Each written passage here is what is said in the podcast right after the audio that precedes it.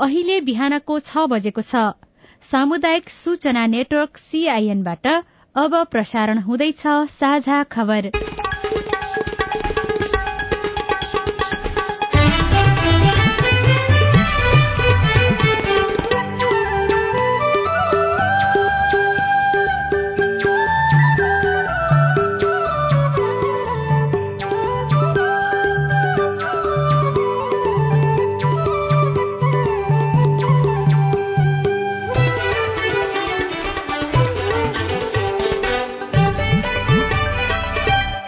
प्रभात यो सीआईएन को साझा खबर हो। सजना तिमल सिन्हासँगै लील प्रकाश चन्दको तपाईँलाई स्वागत छ। सामुदायिक रेडियोबाट देशैभरि एकैसाथ प्रसारण भइरहेको साझा खबर सीआईएन खबर डट कम र मोबाइल एप सीआईएनबाट पनि सुन्न सकिन्छ।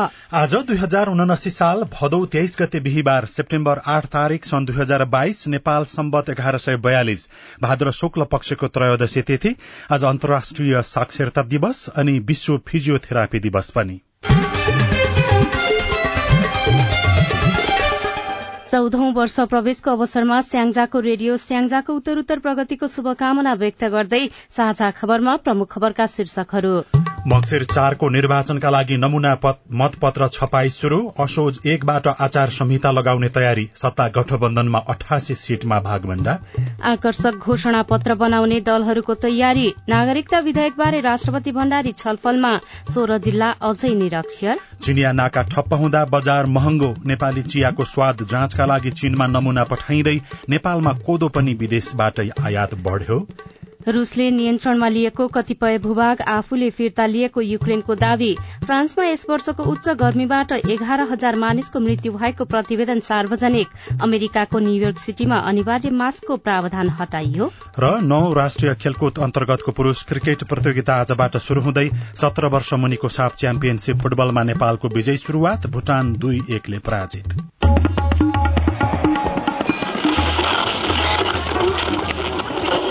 सयौं रेडियो। हजारौं रेडियो कर्मी र करोड़ौं नेपालीको माझमा यो हो सामुदायिक सूचना नेटवर्क सीआईएन साझा खबरको सबैभन्दा शुरूमा मंगिर चारको निर्वाचनका लागि नमूना मतपत्र छपाईसँगै असोज एकबाट आचार संहिता लगाउने निर्वाचन आयोगको तयारीको प्रसंग। आगामी मंगिर चारमा हुने प्रतिनिधि सभा र प्रदेश सभाको चुनावलाई लक्षित गरी मतपत्र छपाई शुरू भएको छ। निर्वाचन आयोगका अनुसार प्रदेशको समानुपातिक तर्फको मतपत्रबाट छपाई शुरू गरिएको हो। हिजो र आज नमूना मतपत्र छपाई गर्ने र मसी सेट भए लगत्तै समानुपातिक तर्फको मतपत्र छापिने आयोगले जनाएको छ। पाँच सय तीन प्रकारका मतपत्रको फरक फरक टेम्प्लेट र डिजाइन तय गरी छपाई शुरू गरिएको आयोगका प्रवक्ता शालिग्राम शर्मा पौडेलले सीआईएनसँग बताउनुभयो। पहिला नमुना मतपत्र छाप्छौँ। नमुना मतपत्र छाप्ने बेलासम्म त्यो मेसिनहरू सेटअप हुन्छ मसीहरूको त्यो ब्यालेन्स मिल्ने कुराहरू हुन्छ सबै रिफाइन हुन्छ। त्यसपछि समानुपातिक तर्फको बाँकी मतपत्रहरूको छपाई कार्य सुरु हुन्छ। एक दुई दिनभित्रमा समानुपातिकको सुरु हुन्छ। प्रदेश र संघ दुवै चुनावको लागि चार चार करोड़ मतपत्र छपाई हुनेछ। यसपटक पाँच सय तीन थरीको मतपत्र छापिनेछ। जनक शिक्षामा प्रतिदिन एघारदेखि बाह्र लाखसम्म मतपत्र छापिने आयोगले जनाएको छ। अघिल्लो दुई हजार चौरात्तरको संसदीय चुनावमा पाँच सय दुई प्रकारका मतपत्र छापिएका थिए। यसैबीच निर्वाचन आयोगले आसन्न मंगिरमा हुने निर्वाचनका लागि असोज एक गतेबाट आचार संहिता कार्यान्वयनमा ल्याउने तयारी गरेको छ। आयोगले विगतको अभ्यास अनुसार समानुपातिक तर्फको बन्दसूची बुझाउने समयलाई आधार मानेर आचार संहिता लागू गर्ने तयारी गरेको हो। निर्वाचन नजिकै गर्दा दलहरू उम्मेद्वार छनौटको मात्रै होइन चुनावी घोषणा पत्र निर्माणको लागि पनि तयारीमा जुटेका छन्। नेपाली कांग्रेसले संघ र प्रदेशसभाको लागि महामन्त्री विश्वप्रकाश शर्माको नेतृत्वमा घोषणा पत्र निर्माण गर्ने भएको छ।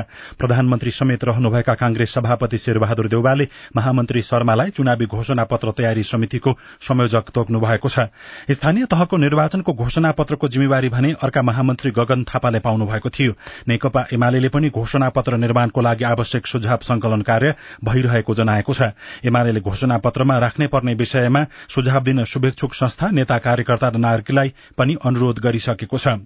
माओवादी केन्द्र र एकीकृत समाजवादी पार्टीले भने एउटै घोषणा पत्र निर्माण गर्ने बताएका थिए तर अहिले एक्ला एक्लै घोषणा पत्र लेखनको काम भइरहेको छ। नेकपा यसका प्रवक्ता जगन्नाथ खतिवड़ाले सीआईएनसँग कुराकानी गर्दै भन्नुभयो।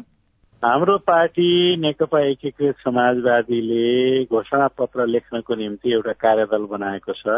कार्यदलमा तीन उपमहासचिवहरू हुनुहुन्छ गंगालाल तुलाधर प्रकाश ज्वाला र विजय पौडेल।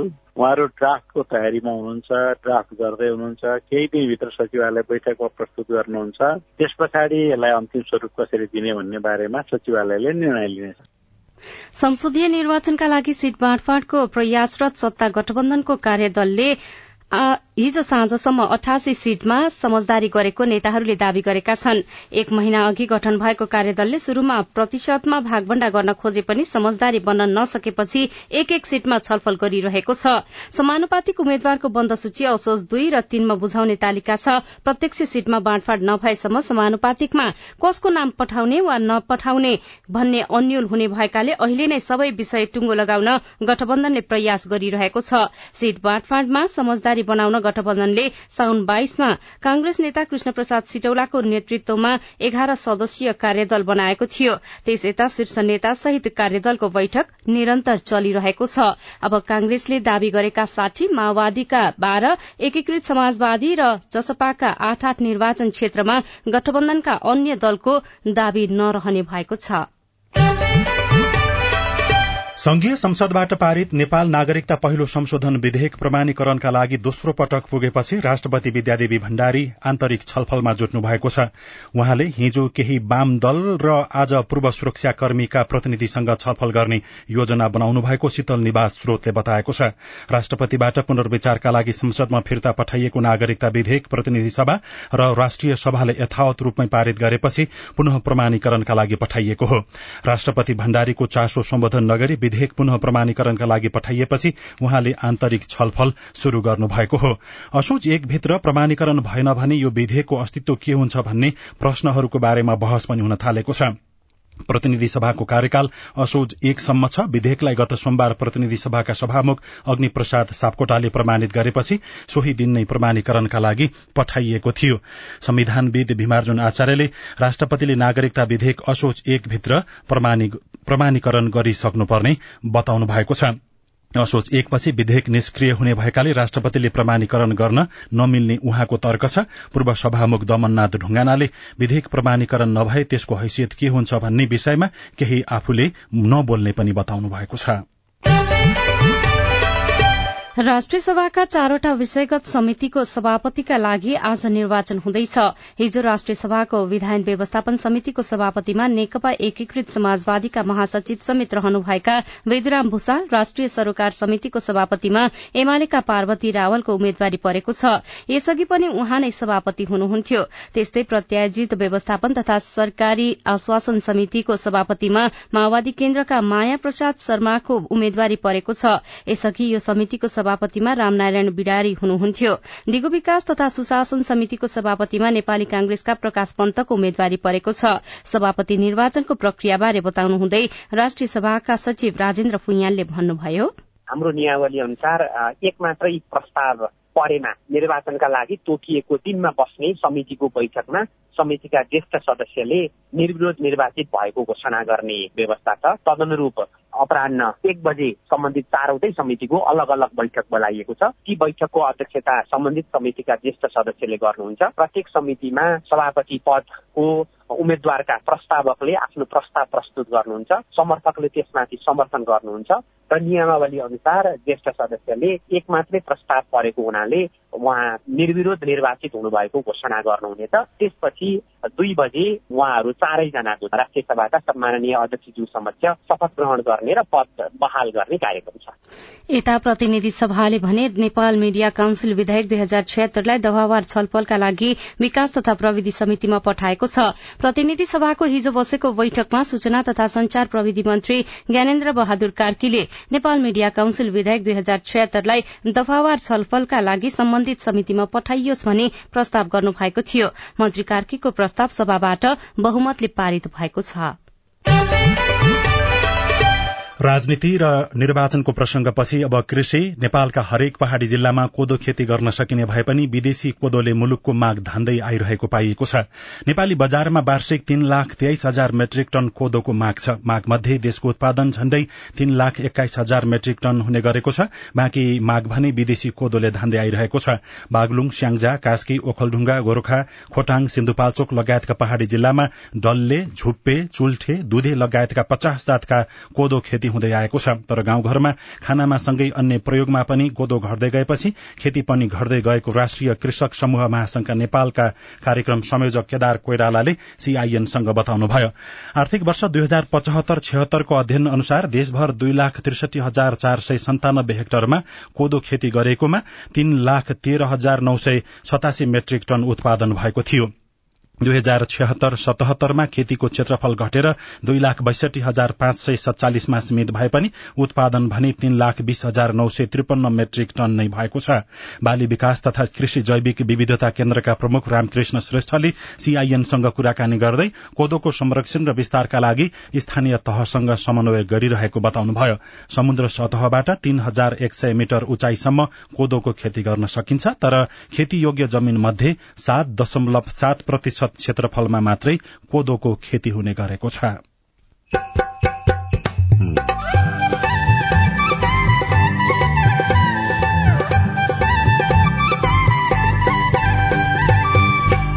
सामुदायिक सूचना नेटवर्क सीआईएन मार्फत देशभरि प्रसारण भइरहेको साझा खबरमा चीनसँगको नाका ठप्प हुँदाको घाटा। तिब्बतको सोसाइटी क्षेत्रमा पुरै लकडाउन र सम्पूर्ण बन्द भएको अवस्था छ भन्ने बुझिन्छ होइन? दैनिक एक करोड़को राजस्व सन्तुलन भएको अवस्था हो त्यहाँको। त्यो नआएपछि दैनिक एक करोड़ राजस्व त हाम्रो गुम्यो नै। नेपाली चियाको स्वाद जाँचका लागि चीनमा नमूना पठाइने सोह्र जिल्ला अझै निरक्षर लगायतका खबर बाँकी नै छन्। सीआईएनको साझा खबर सुन्दै गर्नुहोला। मम्मी खाजा। मम्मी मेरो होमवर्क गर्ने कापी। बुहारी एकदम खुट्टा दुख्यो। बुहारी चिया खान मन लागेको थियो। बुढी कपडा मैलो भएछ। अरे मेरो परिवार। भर्खरै सुनेको संवाद तपाईँलाई कस्तो लाग्यो? यही संवादलाई फेरि एकपटक यसरी सुनौ न है। मम्मी खाजा आज म बनाउँछु। मिठो बनाउँछु है। मम्मी मेरो होमवर्क गर्ने कापी। मैले खोजिसके। अब म होमवर्क गर्छु। बुहारी एकदम खुट्टा दुख्यो। छोराले तेल तताएर लगाइदिएपछि अलि आराम भयो। बुहारी चिया खान मन लागेको थियो। सबैको लागि बनाएको छु। आऊ सबैजना खान। बुढी कपडा मैलो भएछ। घर नि कस्तो फोहोर। कपडा धोएर भ्याए। अब घर सफा गर्छु। कोरोनाको महामारीबाट बस्न पनि त सरसफाई जरुरी छ नि। आहा मेरो परिवार। तपाईँलाई दोस्रो संवाद कस्तो लाग्यो? पक्कै राम्रो लाग्यो। हो। तपाईँ हामी बीच जिम्मेवारी बोध भयो भने एक अर्का बीचको निकटतालाई अझ राम्रो बनाउन सकिन्छ। बाढी चोडी जिम्मेवारी परिवारमा समझदारी। महिला बालबालिका तथा ज्येष्ठ नागरिक मन्त्रालय युएन वुमन ल्याक र अकुराबको सहकार्य।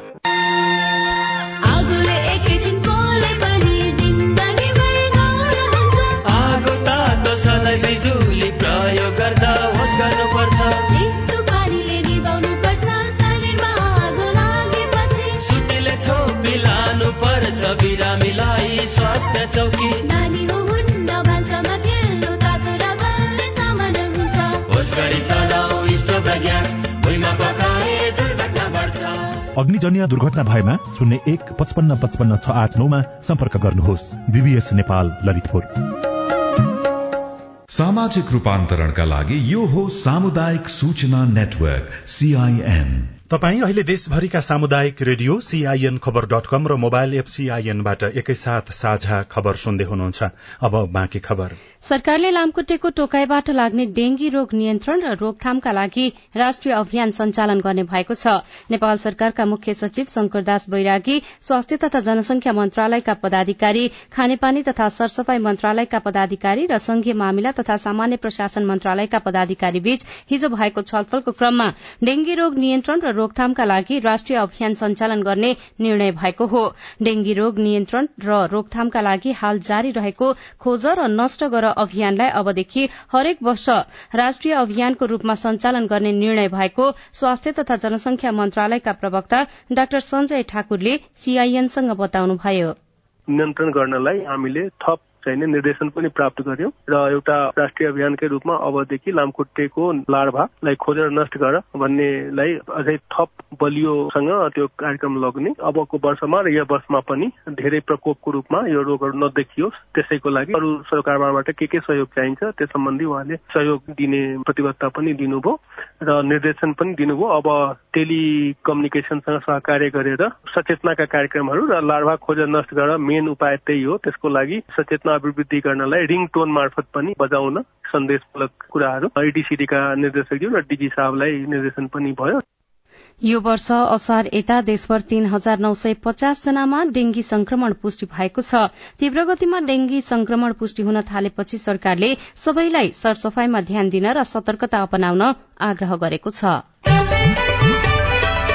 अब आज काठमाडौँबाट प्रकाशित पत्र पत्रिकाको खबर। सबैजसो पत्र पत्रिकामा दशैंको अग्रिम टिकट बुकिङ असोज एकदेखि खुल्ने बारेको खबर छ। सरकारले दशैं तिहार चाडपर्वलाई लक्षित गरी आगामी असोज एक गतेदेखि मध्य तथा लामो रूटको सवारी साधनको अग्रिम टिकट बुकिङ खुला गर्ने भएको छ।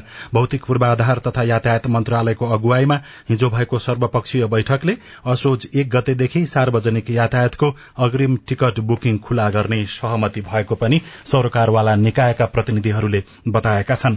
कान्तिपुर दैनिकमा सार्वजनिक ऋणको किस्ता वार्षिक सवा खर्ब शीर्षकमा हेमन्त जोशी लेख्नुहुन्छ सरकारले गएको आर्थिक वर्षमा ऋणको सावा र ब्याज भुक्तानीमा मात्रै एक खर्ब एक्काइस अर्ब छयासी करोड़ रूपियाँ खर्च गरेको छ। सार्वजनिक ऋण व्यवस्थापन कार्यालयका अनुसार सरकारले आर्थिक वर्ष दुई हजार अठहत्तर उनासीमा छिहत्तर अर्ब चौहत्तर करोड़ सावा र पैंतालिस अर्ब बाह्र करोड़ ब्याज तिरेको छ। सावा ब्याज तिर्न वार्षिक रूपमा भएको यो खर्च हालसम्मकै उच्च हो। प्रधानमन्त्री शेरबहादुर देउवाले भने कर्मचारीको तलब खुवाउनको लागि पनि ऋण लिनुपर्ने अवस्था आएको भनेर हिजो आयोजित एउटा सार्वजनिक कार्यक्रममा बताउनु भएको छ। मिडिया काउन्सिलमा भर्ती गर्न कार्यविधि नै गायब पार्ने प्रयास शीर्षकमा मकर श्रेष्ठले लेख्नु भएको छ प्रस्तावित मिडिया काउन्सिललाई सरकारको नियन्त्रणबाट मुक्त गर्नुपर्ने सांसदहरूको प्रस्ताव र पत्रकार महासंघको आग्रहलाई सरकारले व्यवस्था गरेको छ। काउन्सिलको अध्यक्ष योग्य व्यक्ति हुनुपर्ने र छनौट प्रक्रिया निष्पक्ष हुनुपर्ने माग भइरहेको भएका बेला सरकारले सिधै नियुक्ति गर्न मिल्ने गरी विधेयक पारित गर्न खोजेको हो। गोर्खापत्र दैनिकमा सोह्र जिल्लामा भएन साक्षरता घोषणा शीर्षकमा खबर छ मुलुकबाट दुई वर्षभित्र निरक्षरता उन्मूलन गर्ने भनी राज्यले प्रतिबद्धता व्यक्त गरेको चौध वर्ष बित्दा पनि सोह्र जिल्ला अझैसम्म निरक्षर मुक्त हुन सकेका छैनन्। सरकारले दुई हजार पैंसठी सालमा दुई वर्षभित्र साक्षरता उन्मूलन गर्ने लक्ष्य अगाडि सारेको थियो। आज छप्पनौ अन्तर्राष्ट्रिय साक्षरता दिवस मनाउँदासम्ममा मध्य प्रदेशका कुनै पनि जिल्ला साक्षर घोषणा भएका छैनन्। लुम्बिनी प्रदेशको कपिल वस्तु कर्णाली प्रदेशको मुगु हुम्ला जुम्ला कालीकोट र डोल्पा तथा सुदूरपश्चिम प्रदेशको कञ्चनपुर र डोटी जिल्ला साक्षर घोषणा हुन बाँकी छ।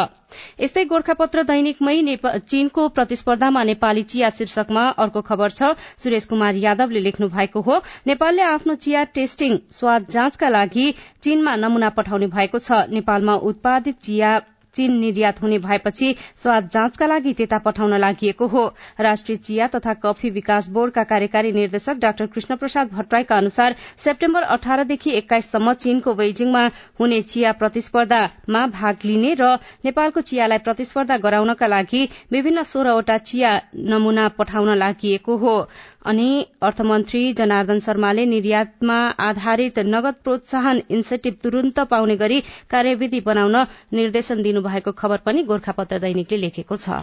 एकै दिन झण्डै आठ सय कर्मचारीको सरूवा भएको छ। प्रतिनिधि सभा र प्रदेशसभाको निर्वाचन नजिकै गर्दा र निर्वाचन आयोगले निर्वाचन आचार संहिता लागू गर्ने तयारी गरिरहेको बेला सरकारले एकै दिन झण्डै आठ सय कर्मचारीको सरूवा गरेको हो। विभिन्न मन्त्रालय र निकाय मातहतमा हतार हतारमा कर्मचारी सरूवालाई जारी राखेको भनेर आलोचना पनि भइरहेको छ। यही चार मंगिरमा तय गरिएको निर्वाचनको तयारीमा निर्वाचन आयोग जुटिसकेको छ। आयोगले आचार संहिता सार्वजनिक गरिसकेको छ। यद्यपि लागू हुन भने बाँकी रहेको छ। राजधानी दैनिकमा खबर छ। नयाँ पत्रिका दैनिकमा पाँच वर्षमा सोह्र मुख्यमन्त्री दुई सय तीस मन्त्री शीर्षकमा खबर छ। केन्द्रमा हुँदै आएको सरकार ढाल्ने र बनाउने दाउपेजको दलहरूले प्रदेशको पहिलो कार्यकालमै भरपूर अभ्यास गरे। सात मध्ये मधेस र सुदूरपश्चिमका मुख्यमन्त्रीले मात्र पाँच वर्ष कार्यकाल पूरा गर्दैछन् यो अस्थिरताले राज्यलाई आर्थिक भार थपेको मात्रै छैन। संघीयताको विरोध गर्नेहरूलाई समेत प्रोत्साहन पनि भइरहेको भनेर समाचारमा टिप्पणी गरिएको छ। साझा खबरमा अब हेलो सीआईएन स्नेहा कर्णबाट।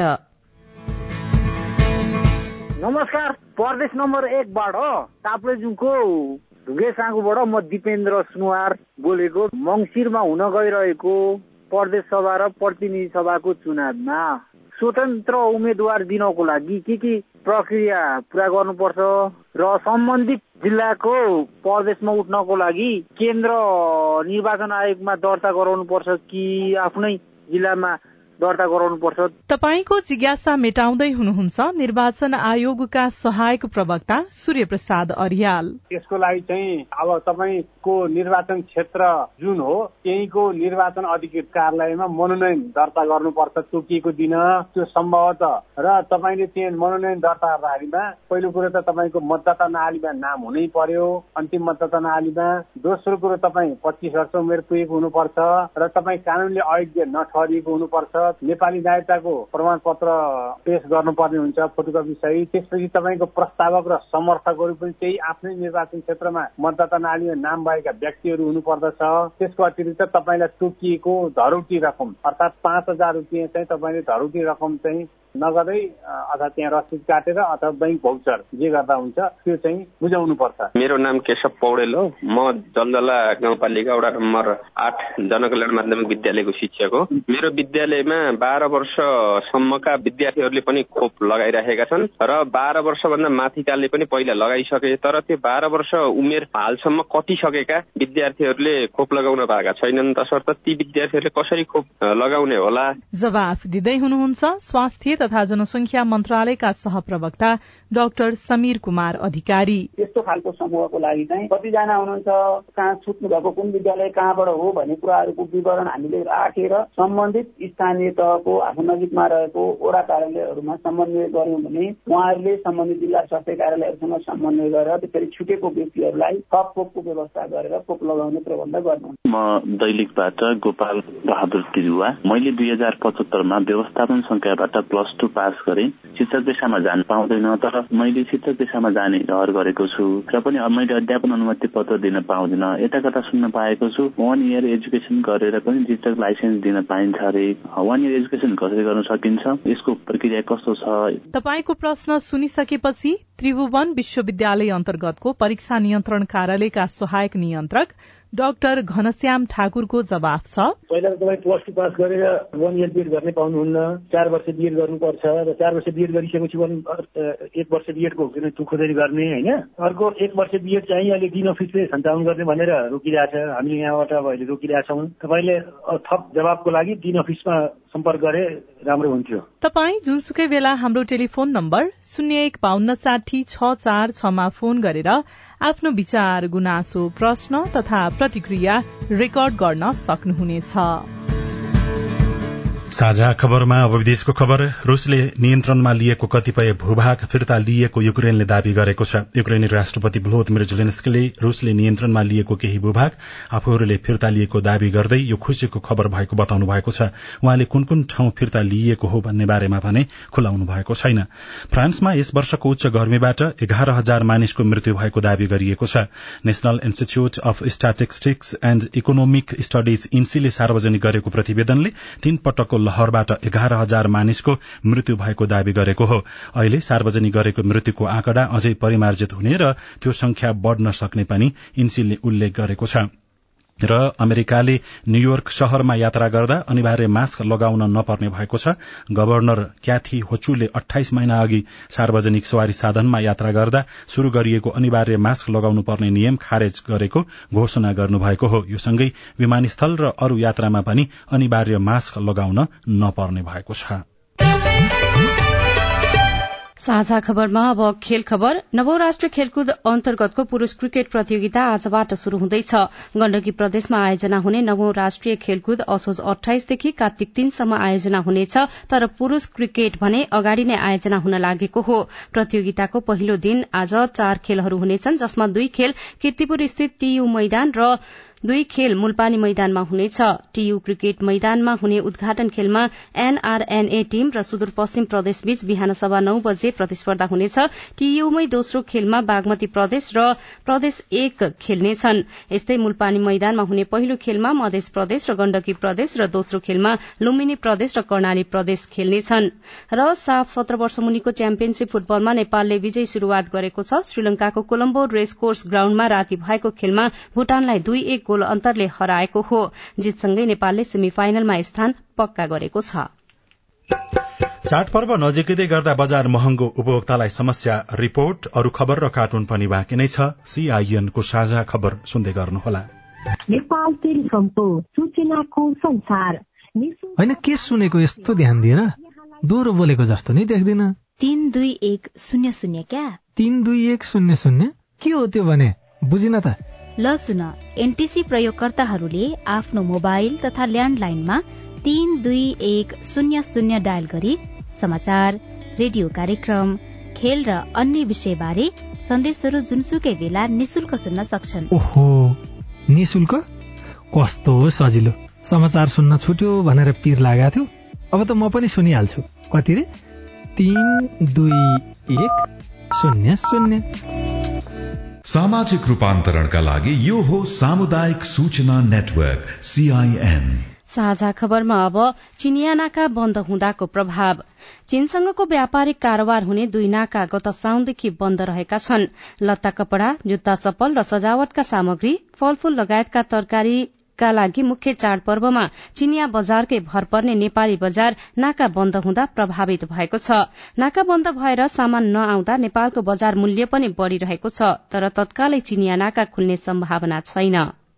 दोलखाका सरस्वती आचार्यलाई दशैंमा नयाँ कपड़ा किन्ने रहर छ तर बजार मूल्य अनुसार पैसा खर्च गर्ने क्षमता छैन। वर्षमा एकचोटि दुईचोटि लुगा किनेर अनि केही घरको सामानहरू किनेर प्रयोग गरेर हुन्छन्। अहिलेको महँगीले गर्दा चाहिँ ओमाइगड पोहोरकै लुगाहरूले पोहोरकै सामानहरूले पो यो पालि पनि टार्ने हो कि जस्तो दिमाग चाहिँ आउँछन्। अहिले नेपालमा लत्ता कपड़ा जुत्ता चप्पल र खाद्यान्न सम्मको मूल्य बढ़िरहेको छ। नेपाली बजारको बीस प्रतिशत भन्दा बढ़ी हिस्सा चीनको सामग्रीले ओगटेको छ। तर कोरोना पछि नै चीनबाट सामग्री आयात घटेको छ भने झण्डै एक महिनादेखि नाका बन्द जस्तै छ जसका कारण नेपाली बजार महँगिएको छ। चाबहिलमा कपड़ा व्यापार गर्दै आउनुभएका रमित शाह।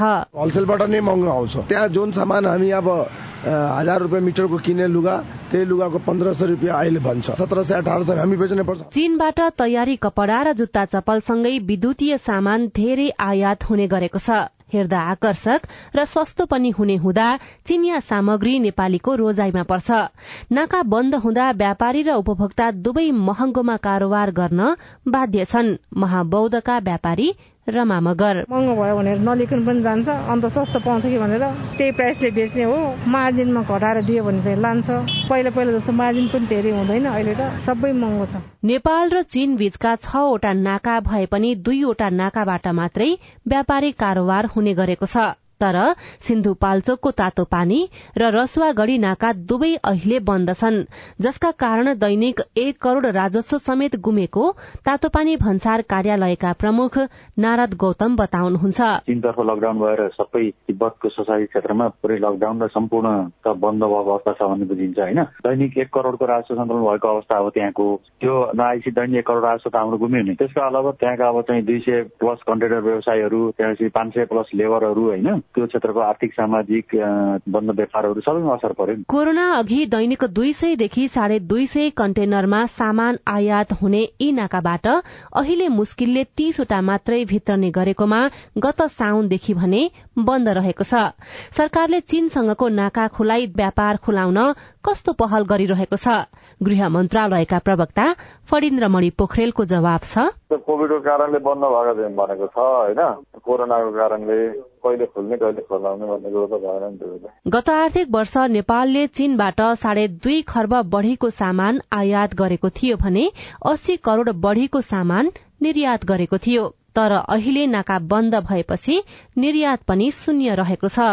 सुशीला श्रेष्ठ सीआईएन काठमाडौँ। रिपोर्टसँगै हामी साझा खबरको अन्त्यमा आइपुगेका छौं। सामुदायिक रेडियो प्रसारक संघद्वारा संचालित सीआईएनको बिहान छ बजेको साझा खबर सक्नु अघि मुख्य मुख्य खबर फेरि एकपटक। मंगिर चारको निर्वाचनका लागि नमूना मतपत्र छपाई शुरू असोज एकबाट आचार संहिता लगाउने तयारी। सत्ता गठबन्धनमा अठासी सीटमा भागभण्डा आकर्षक घोषणापत्र बनाउने दलहरूको तयारी। नागरिकता विधेयकबारे राष्ट्रपति भण्डारी छलफलमा सोह्र जिल्ला अझै निरक्षर। चिनिया नाका ठप्प हुँदा बजार महँगो। नेपाली चियाको स्वाद जाँचका लागि चीनमा नमूना पठाइँदै नेपालमा कोदो पनि विदेशबाटै आयात। रूसले नियन्त्रणमा लिएको कतिपय भूभाग फिर्ता लिइएको युक्रेनको दावी। फ्रान्समा यस वर्षको उच्च गर्मीबाट एघार हजार मानिसको मृत्यु भएको प्रतिवेदन सार्वजनिक। र नवौं राष्ट्रिय खेलकुद अन्तर्गतको पुरूष क्रिकेट प्रतियोगिता आजबाट शुरू हुँदै। साझा खबरको अन्त्यमा कार्टुन। कार्टुन हामीले कान्तिपुर दैनिकमा अबिनले बनाउनु भएको गजब छब्बा शीर्षकको कार्टुन लिएका छौं। व्यङ्गी गर्न खोजिएको छ। उम्मेद्वार सिफारिशका कामहरू पछिल्लो समयमा भइराखेका छन् र म्यादी प्रहरीको भर्ना पनि भइराखेको छ। पार्टी उम्मेद्वार सिफारिश समिति लेखिएको एउटा बोर्ड छ र बन्द कोठा छ। एकजना ठूलो ज्यान भएका पाखुरामा ट्याटु खोपेका व्यक्तिले एउटा केही आवेदन पत्र जस्तो अर्को कोही व्यक्तिलाई दिँदैछन्। तल चाहिँ यस्तो लेखिएको छ। मान्छे चिनेर कुरा गर्नु नि। म्यादी प्रहरी होइन? म्यादी नेता बन्ने हो क्या? त्यही भएर त यहाँ आएको। हवस् त प्राविधिक साथी सुनिल राज भारतलाई धन्यवाद। अहिलेलाई लील प्रकाश चन्द र सजना तिमल सिन्हा विदा भयौं। तपाईँको आजको दिन शुभ होस्। नमस्कार। यसपछि देशभरिका सामुदायिक रेडियोबाट कार्यक्रम साझा आवाज प्रसारण हुनेछ। सुन्ने प्रयास गर्नुहोला।